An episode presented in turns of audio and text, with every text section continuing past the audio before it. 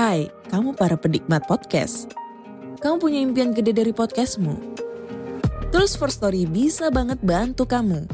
Mulai dari F-Link, Dynamic Audio Insertion, sampai statistik yang komprehensif. Semua ada di First Story.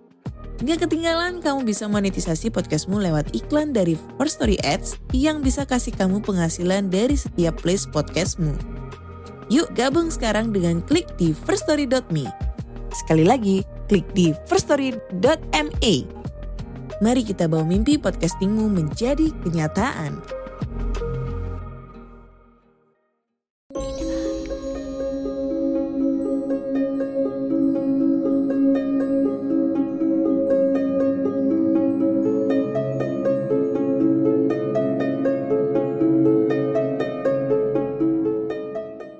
Selamat datang dan selamat malam Saya Dini, narator dari Rumah Indonesia Kembali lagi untuk membacakan sebuah cerita horor buat kalian semua Untuk menemani kalian di malam hari ini Dan ceritanya akan saya bacakan dari akun Twitter Agil R. Saputra Nah buat kalian yang memang suka sama tweet horor semacam ini Silahkan kunjungi dan follow twitternya Agil R. Saputra Dan kalian bisa dukung kami dengan subscribe di channel ini Rumah Horor Indonesia Dan juga follow podcast horor kita di Spotify Di program yang sama Rumah Horor Indonesia Dan tanpa perlu berlama-lama lagi Ini dia ceritanya. Selamat mendengarkan.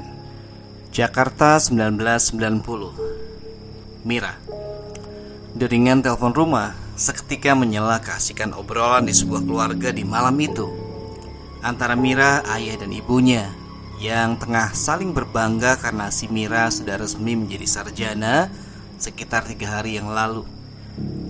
Sang ayah berjalan ke arah telepon seraya menghentikan tawanya dan mengangkatnya. Sempat terdengar kata halo. Dan raut wajah sang ayah pun perlahan berubah menjadi serius sembari berisyarat kepada Mira dan sang ibu atau istrinya untuk melirikan suaranya yang masih terlihat mengobrol. Karena ternyata itu adalah telepon dari Pak D-nya di kampung. Entah apa yang sedang dibicarakan oleh ayah. Tak selang beberapa lama sang ayah memberikan telepon itu kepada Mira. Nih, Pak D-mu mau bicara. Dan terjadi sedikit perbincangan antara Mira dan Pak D-nya. Halo, gimana Pak D? Halo, gimana Nduk kabari? Sudah jadi sarjana ya? Selamat ya Iya Pak D, makasih Pak D-nya kemudian bicara lagi Gini Nduk Simba itu lagi masuk angin Dan dari kemarin selalu mikir kamu.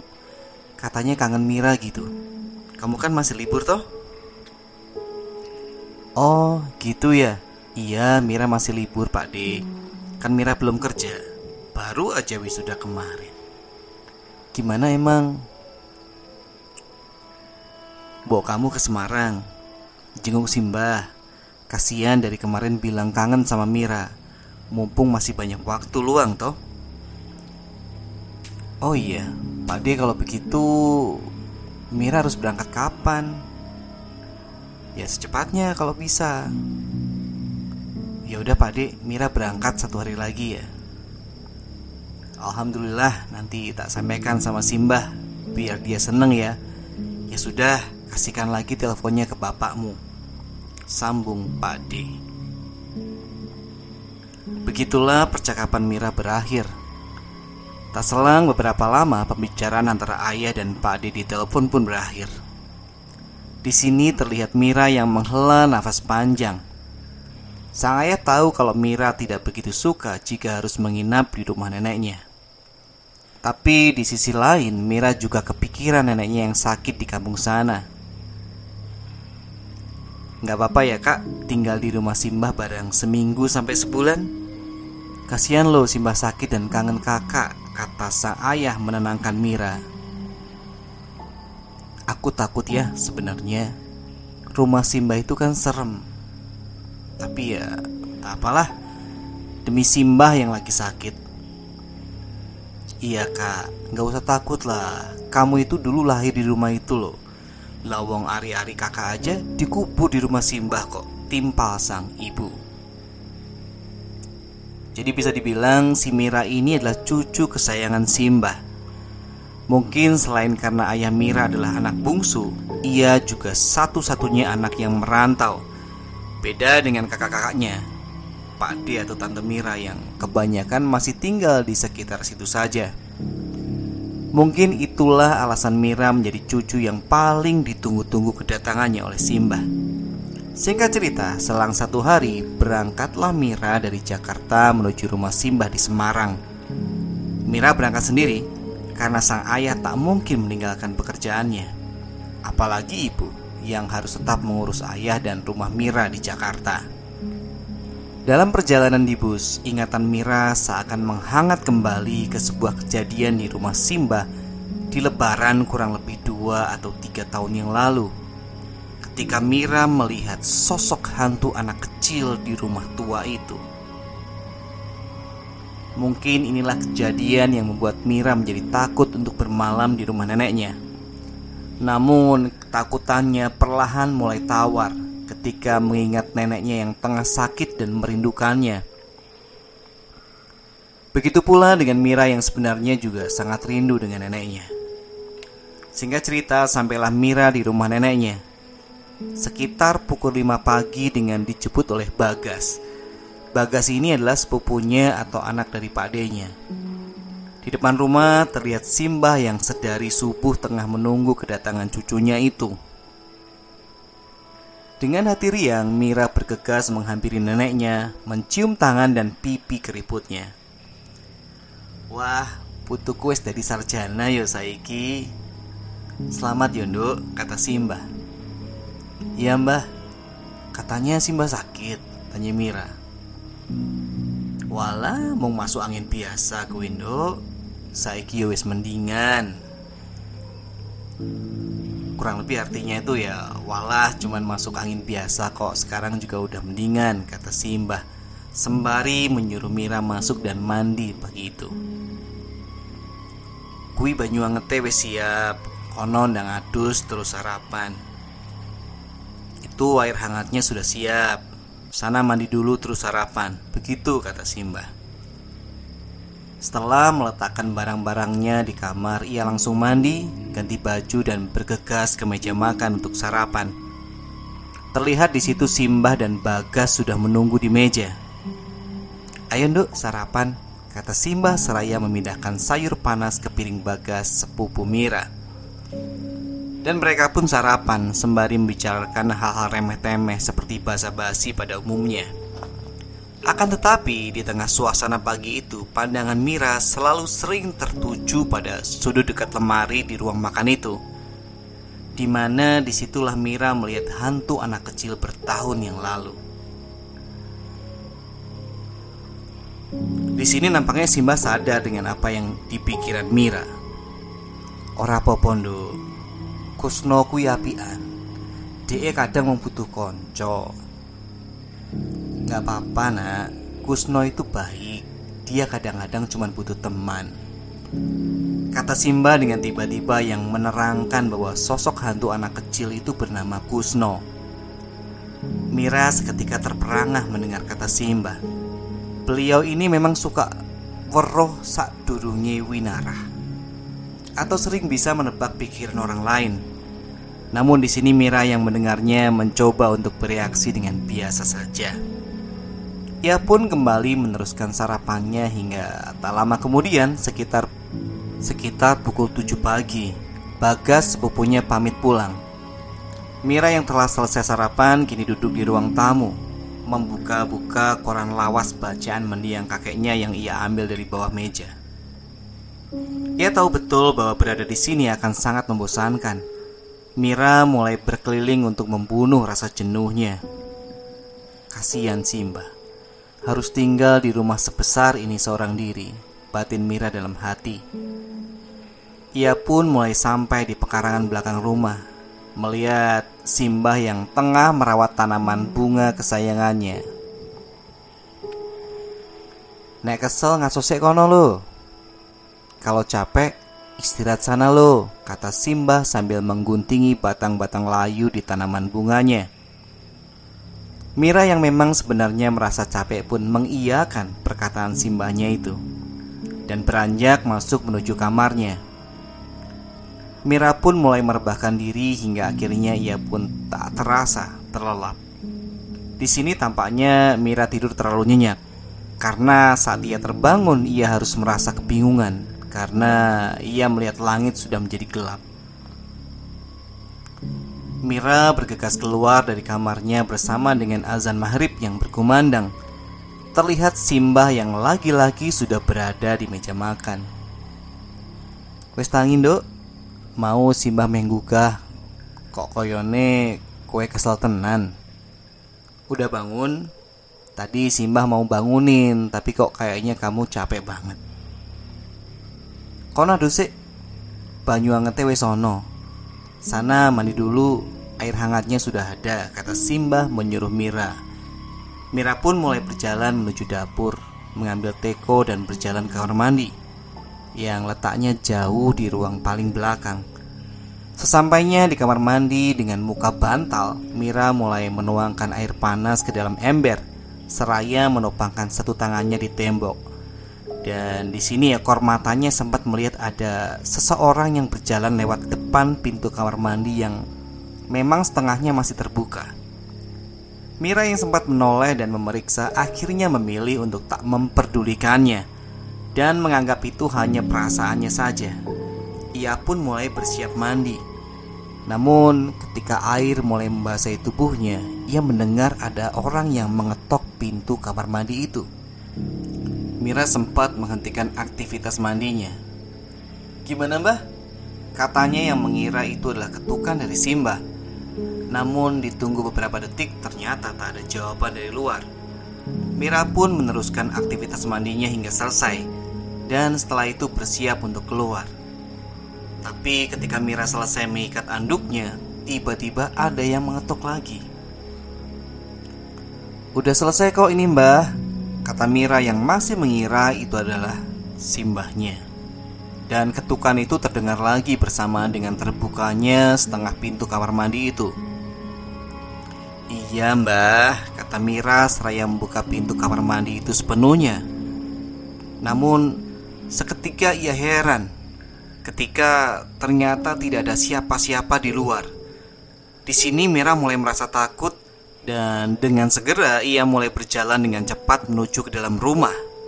Dan terlihat Simba yang sudah menunggunya di meja makan. Wes nang salin terus maam dok. Sudah sana ganti baju terus makan dok. Atau nak gitu ya. Kata Simba seraya duduk di depan hidangan di meja makan. Mira pun berjalan ke kamarnya sembari memikirkan ketukan tadi di kamar mandi. Ini baru hari pertama Masa sudah begini? Batin Mira sembari mengganti bajunya. Dan setelah itu Mira pun makan malam bersama Simba. Terjadi percakapan yang menarik di atas meja makan. Di sini Simba bercerita yang menyiratkan betapa Mira adalah cucu yang istimewa untuk Simba. Kamu itu, Nduk, satu-satunya cucu Simba yang lahir di rumah ini. Tidak seperti sepupumu yang lain yang lahiran di rumahnya masing-masing. Ini memang keinginan Simba sih, karena bapakmu itu yang paling kecil atau anak bungsu. Jadi Simba tidak mau jauh-jauh dari bapakmu. Sampai makan malam selesai, mereka masih terlihat asik mengobrol hingga tak terasa waktu sudah menunjukkan pukul 8 malam. Simba yang tadi sempat meminum obat kini terlihat mengantuk dan akhirnya menutup obrolan malam itu. Simba berjalan menuju kamarnya seraya berpesan kepada Mira untuk tidak tidur terlalu larut. Mira pun mulai membereskan meja makan dan membawa satu persatu piring dan gelas kotor menuju dapur. Tak ada perasaan apa-apa waktu itu. Nampaknya betapa menariknya cerita Simbah tadi membuat Mira lupa akan ketukan itu. Setelah itu Mira masuk ke kamarnya dan merebahkan diri sambil membaca majalah yang dibawanya dari Jakarta. Berharap matanya cepat mengantuk. Lembar demi lembar halaman pun sudah dibacanya. Namun rasanya ia sama sekali tak mengantuk. Mungkin karena siang tadi ia tidur terlalu lama. Hingga tak terasa sudah hampir tengah malam. Ia sempat menyalakan radio tapi nampaknya kebanyakan siarannya telah usai hanya siaran wayang kulit yang masih ada di beberapa frekuensi. Ia tak suka. Radio pun ia matikan dan ia kembali membaca-baca majalah. Suntuk dan membosankan sekali di sini, batin Mira dalam hati. Dan beberapa saat kemudian terdengar sayup-sayup suara sendok dan gelas yang beradu. Lebih tepatnya adalah suara orang yang sedang mengaduk minuman. Wah, Simba masih bangun, kata Mira. Kebetulan sekali saat itu ia ingin mengambil cemilan. Mira mulai keluar dari kamarnya menuju ke meja makan, mengambil cemilan berikut dengan toplesnya seraya mengintip ke arah dapur. Dan di situ memang terlihat Simbah tengah berdiri di dapur. Entah beliau ini sedang apa, Mira tak tahu pasti, karena posisi berdirinya membelakangi. Belum tidur, Mbah? Tanya Mira kepada neneknya. Tapi Simbah diam saja bahkan terlihat tak bergerak dan seperti mematung di ruangan dapur itu. Di sini Mira tak curiga dan memutuskan untuk duduk di meja makan sambil memakan cemilannya seraya menunggu Simbah selesai melakukan segala sesuatu di dapur. Namun setelah ditunggu, Simbah tak kunjung kembali. Mira yang penasaran pun segera memeriksa ke dapur dan di sana tidak ada siapa-siapa. Seketika Mira merinding di sekujur tubuhnya dan berlari menuju kamar simbahnya. Dan benar saja, di situ terlihat Simbah yang masih tertidur dengan nyenyaknya. Lantas, tadi itu siapa? Apakah aku salah lihat? Batin Mira yang kini mulai ketakutan. Ia pun bergegas masuk ke kamarnya, menutup pintu dan bersembunyi di balik selimutnya. Mira berdoa dalam hati seraya telinganya mengamati keadaan sekitar yang hening itu. Dan tak selang beberapa lama sayup-sayup seperti terdengar suara tawa riuh yang berasal dari luar kamarnya. Mira membuka selimutnya untuk memastikan apakah suara itu benar-benar ada. Dahinya mengernyit sampai ia merubah posisinya menjadi setengah duduk. Dan memang benar ada suara seperti suara tawa dari dua anak kecil yang tengah bercanda. Aduh, apalagi ini ya Tuhan? Kata Mira dengan lirih tak henti batinnya terus berdoa. Hingga suara itu perlahan mulai menghilang. Mira mulai lega, tapi tidak dengan ketakutannya. Ia mencoba untuk tetap tenang dan kembali merebahkan tubuhnya lagi dengan menghadapkan posisinya ke arah tembok. Di sini ia masih terus berdoa, namun bukannya semakin tenang. Hawa di kamar itu malah berubah menjadi panas, hingga keringat mulai memenuhi bagian kepalanya. Di sini perasaannya mulai tak enak ketika ia mendengar seperti ada seorang yang ada di belakangnya. Ini cuma perasaanku aja. Ini cuma perasaanku aja. Ini cuma perasaanku aja. Mira terus menanamkan kata-kata itu dalam hatinya seraya terus berdoa. Namun perasaannya justru semakin menguat kalau memang benar-benar ada seorang yang ikut berbaring di belakangnya. Akhirnya Mira pun mengumpulkan keberanian untuk membalikkan badannya, berharap tidak ada siapa-siapa di balik badannya. Dengan perlahan, Mira mulai membalikkan posisi tidurnya dan setelah berbalik, Betapa kagetnya Mira ketika ada seorang perempuan yang ikut tiduran di atas ranjangnya. Dan kini wajah dari sosok itu dan wajah Mira saling berhadap-hadapan. Wajahnya tak seram, namun sangat pucat. Sosok itu tersenyum kecil dan berkata, "Mbak Mira, Mira hanya diam tak bisa bergerak. Pandangannya pun tak bisa berpaling dari sosok itu. Ia mencoba untuk berteriak, namun tidak bisa. Dadanya seperti sesak. Sosok itu pun terus mengulangi kata-kata yang sama. Mbak Mira. Tak ada rasa yang bisa digambarkan oleh Mira selain ketakutan. Hingga akhirnya sosok itu pun hilang bersama dengan ketukan di pintu kamarnya. Nafas Mira terengah-engah Sementara ia belum bisa menyambut ketukan di pintu kamarnya, dalam hati ia berharap itu adalah ketukan dari Simba. Namun ternyata tidak, karena dari balik pintu itu kembali terdengar Mbak Mira, Mbak Mira sampai tiga kali. Ternyata dari sosok itu lagi. Mira belum selesai dengan ketakutannya, tapi tubuhnya bisa digerakkan sekarang. Mira pun berteriak sekuat tenaga, "Diam!" Dan suara ketukan dan orang yang memanggil namanya itu pun hilang.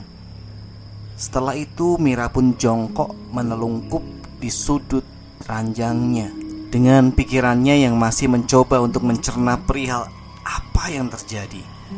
Hingga tak lama kemudian Simbah yang terbangun pun menerobos masuk ke kamar Mira dan menanyakan apa yang terjadi. Mira masih tak bisa berkata-kata Hingga akhirnya Simbah pun ikut tidur di sebelahnya Memeluk dan menenangkan Mira Wisnu Cahayu, kamu itu anak terpilih jadi wajar kalau sering bergesekan dengan hal seperti itu, kata Simba seraya mengelus rambut Mira. Dan tak bagaimana, Mira pun tertidur dengan nyenyak dan terbangun di sebuah mobil bersama dengan Bagas sepupunya. Jadi ternyata rentetan kejadian tadi adalah mimpi Mira. Ternyata Mira sampai di Semarang sekitar pukul 3.30 pagi. Jam 4 ia dijemput di terminal oleh Bagas. Perjalanan dari terminal menuju ke rumah Simbah cukup jauh, memakan waktu kurang lebih satu jam. Dan di situlah Mira yang lelah ketiduran dan bermimpi dengan sedetail itu. Yang jelas ia terbangun di dalam mobil dengan suasana langit yang masih agak gelap tepat di jalan desa dekat rumah Simbah. Mira sempat merasa kebingungan.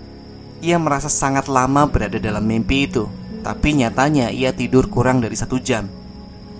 Mira sempat mencubit tangannya sendiri sebelum bertanya kepada Bagas yang duduk di kursi kemudi. Sampai di mana ini, Mas? Oh, ini udah sampai. Jawab Bagas agak kaget dengan bangunnya Mira. Bagas memasukkan mobil di halaman rumah Simbah. Ia berhenti dan berkata, "Mir, aku sama Pak D itu semalam nungguin Simbah di sini. Katanya beliau sesek napas dan tadi dibawa ke rumah sakit Panti Rapih Ya nama rumah sakit di Semarang Sekarang kamu turun Letakin barang-barang terus mandi Habis itu kita nyusul Simbah ke panti rapih ya Kata Bagas menjelaskan. Di sini Mira yang panik mendengar itu Segera menurunkan barang-barangnya Dan langsung kembali ke mobil tanpa mandi. Nampaknya ia mempunyai perasaan yang tidak enak kali ini. Ayo Mas Gas Berangkat ke panti rapih Santai Mir. Simba itu sudah sering kayak gini. Tapi biasanya juga nggak sampai mondok kok. Nanti juga pulang lagi Kan tahu sendiri Simba ndak suka bau rumah sakit Kata Bagas sembari masuk ke mobil. Wes pokoknya berangkat mas Kata Mira memaksa. Mereka pun berangkat menuju rumah sakit. Sementara langit terlihat mulai terang. Jalan pun semakin ramai karena aktivitas manusia di pagi hari Membuat mereka terpaksa berjalan agak lambat. Singkat cerita, sampailah mereka di rumah sakit. Mira terlihat menyeret tangan kakak sepupunya. Di mana sih Mbah, Mas? Tanya Mira yang perasaannya mulai tak enak. Akhirnya ditunjukkanlah kamar Simbah yang bersyukurnya waktu itu masih dalam keadaan sadar walaupun nafasnya terengah-engah. Mira segera mendekat dan memegang tangan Simbah yang matanya sedikit terpejam. Mbah, ini Mira udah sampai mbah Kata Mira dengan halus Simbah pun tampak merespon dengan membuka sedikit matanya Walah Putu wedok sing ayu dewe Jawab Simbah dengan nada terbata. Cucu perempuan yang paling cantik gitu artinya. Di sini Mira tak menjawab Ia malah fokus dengan peralatan medis yang berada di sekitar Simbah terbaring. Namun seketika Mira terhentak karena tiba-tiba Simbah mengalami kejang. Ia yang panik langsung berlari keluar memanggil Pak D dan Bagas sepupunya untuk memberitahukan hal ini. Pak D sigap memanggil perawat yang berjaga. Simbah pun mulai ditangani oleh beberapa suster yang juga mulai terlihat panik, warawiri hingga akhirnya dokter pun datang. Tapi tak selang beberapa lama, Simbah menghembuskan nafas terakhirnya. Simbah meninggal dunia. Tangisan Mira pecah ketika dokter mengabarkan hal ini. Ia segera dipeluk dan ditenangkan oleh Pak D dan Bagas. Ikhlaskan, Duk. Simba itu sepertinya cuma nunggu kamu. Karena itu Pak D kemarin nyuruh kamu buru-buru ke Semarang, kata Pak D kepada Mira. Singkat cerita, waktu jenazah Simbah pun dibawa pulang menuju rumahnya menggunakan ambulans dengan Mira dan Bagas yang ikut di dalamnya. Sementara Pak D pulang lebih awal untuk berkabar dan mempersiapkan tempat dengan membawa mobil yang tadi dipakai oleh Bagas. Di dalam ambulan, Mira menangis tak percaya Simbah sudah berpulang. Seenggaknya kamu sudah bicara dan ketemu sama Simba, Mir. Memang dari kemarin Simba itu nanyain kamu terus. Ternyata mau medot Tresno. Ucap Bagas di dalam ambulans.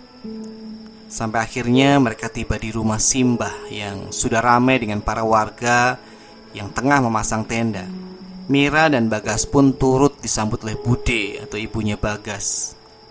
Sing sabar ya, Nduk. Bapakmu dan ibumu sudah dikabari dan akan sampai di sini besok, ucap Bude kepada Mira. Singkat cerita, prosesi pemakaman pun sudah dilaksanakan. Tibalah malam hari setelah acara tahlil, terlihat kini Mira tengah berjalan melewati meja makan. Entah kenapa ia membuka tuduk saji dan kini Mira tampak keheranan melihat sayur asem dan bandeng presto yang sepertinya ini masakan kemarin. Seketika ia teringat akan mimpi itu yang rasanya begitu nyata. Apakah itu mimpi perpisahan dari Simba? Batin Mira seraya berjalan menuju pekarangan belakang rumah dan duduk di sana. Ia tampak melamun tak peduli dengan riuh rame para saudara dan kerabatnya yang tengah berada di ruangan depan. Waktu itu mungkin sekitar jam 10 malam. Mira mengambil buku-buku resep makanan di bawah meja dan mulai melihatnya dari lembar per lembar. Simba ini memang gemar masak. Batinnya seraya menghela nafas panjang setelah menyadari beliau sudah tiada. Namun beberapa saat kemudian dirinya teralihkan oleh suara gurau anak kecil. Sumbernya berada di antara tanaman-tanaman bunga di depannya. Sebentar ia melihat ke arah suara itu dan menganggap itu adalah salah satu anak dari kerabatnya. Mira pun kembali membuka-buka majalah itu lagi Sampai akhirnya ada suara memanggilnya dari arah yang sama Mbak Mira Mbak Mira Dua kali ia dipanggil Itu suara wanita Dan Mira merasa tidak asing dengan suara itu Akan tetapi ia tak mengenalnya Dalam atau saya gitu dalam bahasa Jawa yang sopan. Jawab Mira seraya mendekat dan melihat ke arah suara itu berasal. Ia tak melihat apa-apa selain kegelapan karena memang pekarangan bunga itu tak dilengkapi dengan penerangan. Siapa ya? Kata Mira kembali dan tiba-tiba Mbak Mira Betapa kagetnya suara itu kini berpindah ke sampingnya ia yang secara spontan menengok seketika tercengang ketika ia melihat Simba yang sudah duduk di sebuah kursi yang berada di sampingnya itu. Tak hanya itu, karena di samping kanan dan kiri Simba juga berdiri dua sosok. Yaitu yang satu anak laki-laki kecil dan seorang wanita yang kira-kira hampir seumuran dengannya. Pandangan Mira masih tertuju hingga akhirnya terdengar lagi suara yang sama memanggil Mbak Mira lagi, seperti tadi. Yang ternyata keluar dari salah satu sosok, yaitu wanita yang berada di samping simbahnya yang duduk tersenyum. Kaki Mira seakan lemas dan memaksanya untuk ikut duduk di kursi yang tadi sempat menjadi tempat ia duduk. Perasaannya benar-benar tak bisa tergambarkan ia mulai memejamkan mata dan memalingkan pandangannya. Dan di sini sosok Simbah pun seperti mendekat. Terdengar dengan jelas di telinga Mira suara dari kerenyitan kursi yang bergeser. Tubuh Mira gemetar, namun ia tak kuasa untuk bergerak atau berteriak. Dan tiba-tiba muncul suara yang membisikinya. Yang Mira yakini adalah suara dari Simbah yang sudah meninggal pagi tadi. Suaranya sangat dekat, bahkan Mira merasakan nafas yang meniup telinganya. Di sini Simba berkata, Jangan bilang siapa-siapa ya, Nduk, kalau Simbah masih di sini. Kata sosok mendiang Simbah membisik di telinga Mira. Mira yang ketakutan kini mencoba berteriak dengan sekuat tenaga dan itu berhasil. Simbah, Teriak Mira seraya mengibaskan kedua tangannya. Dan padenya pun datang menghampiri karena mendengar teriakan itu. Ada apa dok? Kata Pak D seraya menggoyangkan pundak Mira. Di sini Mira masih menggumam ketakutan menampik-nampik tangan padenya. Sadar dok, istighfar Kata Pak D-nya kembali. Dan akhirnya Mira pun mulai membuka matanya Seraya menoleh ke arah sampingnya Dan sosok Simbah Anak kecil dan wanita itu sudah tidak ada. Ono pondok ada apa nak? Tanya Pak D-nya. Simbah Pak D, Simbah Jawab Mira dengan nada terbata. Mira pun dibawa masuk ke dalam rumah untuk ditenangkan. Keringat dinginnya mulai bercucuran di tubuh Mira dan seketika ia mengalami demam. Kerabatnya nampak bingung kenapa Mira ini. Karena memang waktu itu ia belum sempat bercerita tentang apa yang baru saja ia alami. Bude pun menuntun Mira masuk ke kamarnya Kowe iki kekeselen nduk mesti. Tak gawe ke wedang jahe yo. Yo ngaso yo. Kamu itu pasti kecapean nak. Bude buatin wedang jahe ya. Terus kamu istirahat. Kata Bude seraya keluar dari kamar. Badan Mira menggigil. Pikirannya masih berkutat dengan kejadian tadi. Ia belum bisa memastikan apakah ini benar atau hanya ilusinya saja. Tak selang beberapa lama kemudian budenya masuk ke kamar dengan membawa obat dan minuman jahe yang segera diminum oleh Mira. Setelah minum obat, Bude yang ingin keluar seketika ditahan oleh Mira. Temenin sampai Mira tidur ya Bude, Mira takut, kata Mira kepada budenya itu. Bude pun kini ikut tiduran di samping Mira hingga Mira pun akhirnya tertidur dengan lelapnya. Entah ia sudah terlelap berapa lama, yang jelas Mira kembali terbangun dan mengalami ketindihan. Ia melihat ada sosok yang duduk di atas tubuhnya. Sosoknya masih tak jelas, hanya terlihat gambaran hitam membentuk tubuh manusia. Mira mencoba berteriak, namun tak bisa. Ia juga berusaha menggerakkan badannya, berharap Bude yang tertidur di sampingnya tahu. Tapi tetap saja tubuhnya tak bisa digerakkan. Sampai akhirnya sosok yang duduk di atasnya itu perlahan mulai tergambar dengan jelas. Sosok itu adalah wanita yang tadi sempat ia lihat di pekarangan belakang rumah. Dan terdengar kata itu lagi yang memanggil-manggil Mbak Mira seperti tadi. Dan disusul dengan kemunculan Simbah yang menyeret sosok itu dari atas tubuh Mira. Hingga akhirnya Mira bisa terlepas dari ketindihan itu dan semua yang dilihat pun akhirnya hilang. Mira segera beranjak dari ranjang melompati Bude yang terbaring dan berlari keluar kamar. Suasana nampak sepi, hanya terlihat beberapa kerabatnya yang tengah tertidur beralas tikar. Mira menoleh ke jam dinding yang menunjukkan pukul 02.30 dini hari. Ia pun mulai berjalan menyusuri ruangan, berharap masih ada orang yang terjaga. Dan tibalah Mira di ruang tamu. Ia melihat ke arah jendela ada siluet beberapa orang yang sepertinya tengah mengobrol di teras. Batin Mira sangat lega melihat itu. Ia pun menghampiri keluar. Di situ ada beberapa warga. Bagas, Pak D, namun di situ juga ada Bude. Di sini Mira nampak keheranan. Loh, Bude kok di sini? Tanya Mira seraya mengernyitkan dahinya. Di sini gimana? Lawang Bude memang ikut lelean atau begadang bersama di sini? Jawab Bude. Loh, bukannya Bude ikut tidur sama Mira di kamar? Jawab Mira kembali. Iya, memang tadi Bude nganterin kamu, Dok, ke kamar. Terus pas Bude bikin minum buat kamu, eh, kamunya udah tidur. Jadi ya Bude keluar lagi dan melean di sini. Emang gimana, Tondo? Jawab Bude menjelaskan.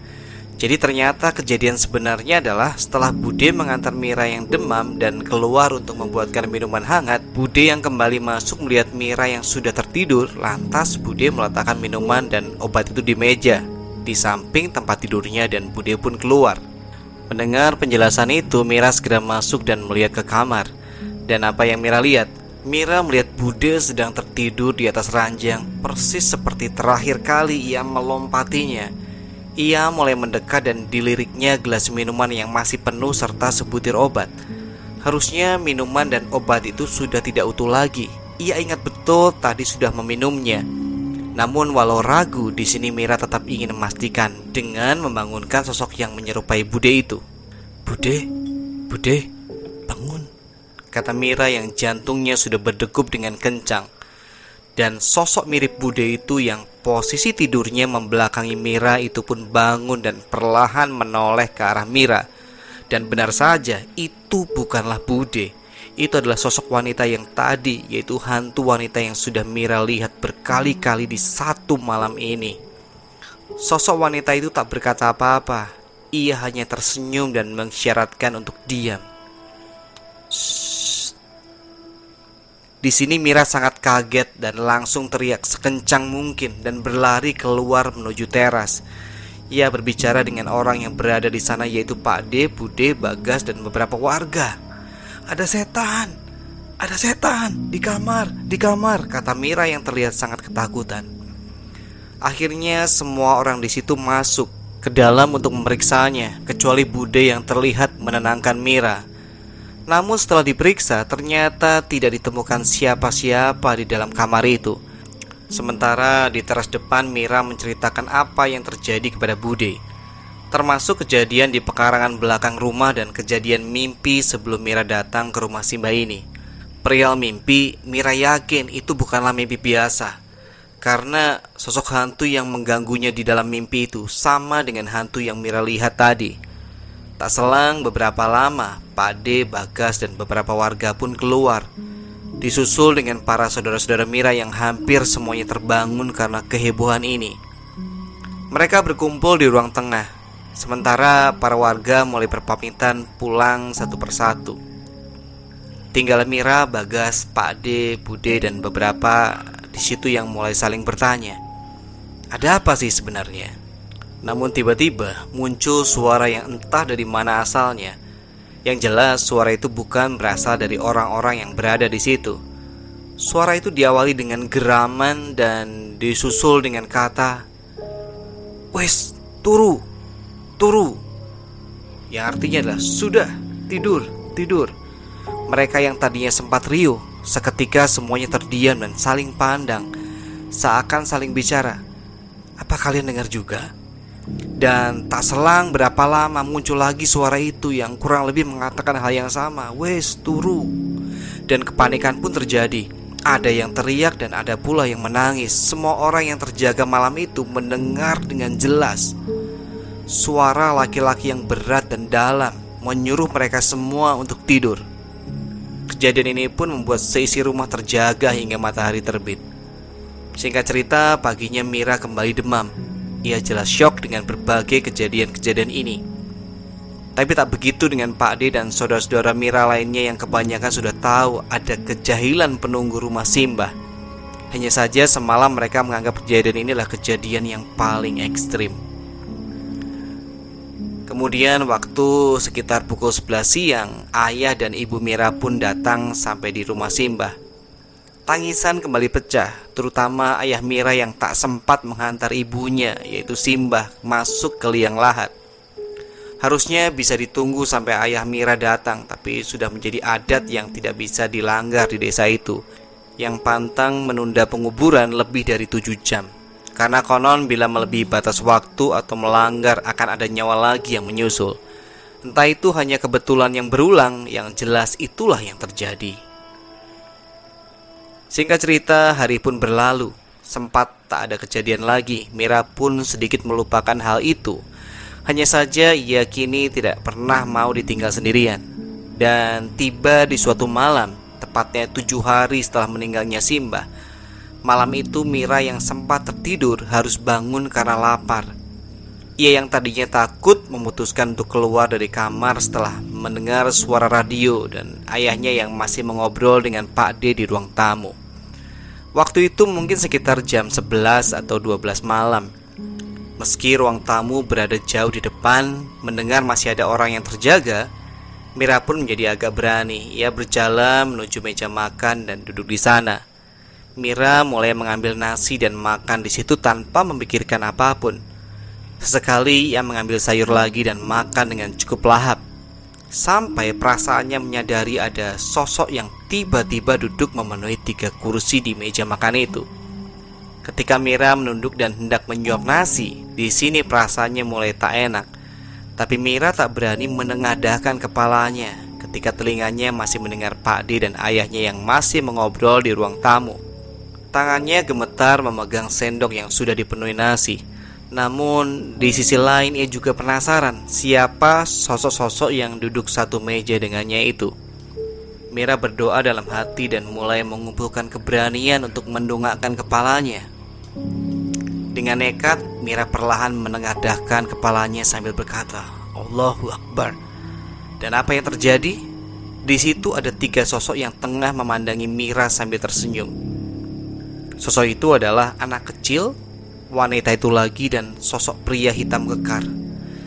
Mira sempat memandangi ketiga sosok itu satu persatu sampai akhirnya ia kembali menurunkan kepalanya dan berlari menuju kamar sambil berteriak dan tak selang beberapa lama sang ayah yang mendengar teriakan Mira pun menghampiri serta menenangkannya.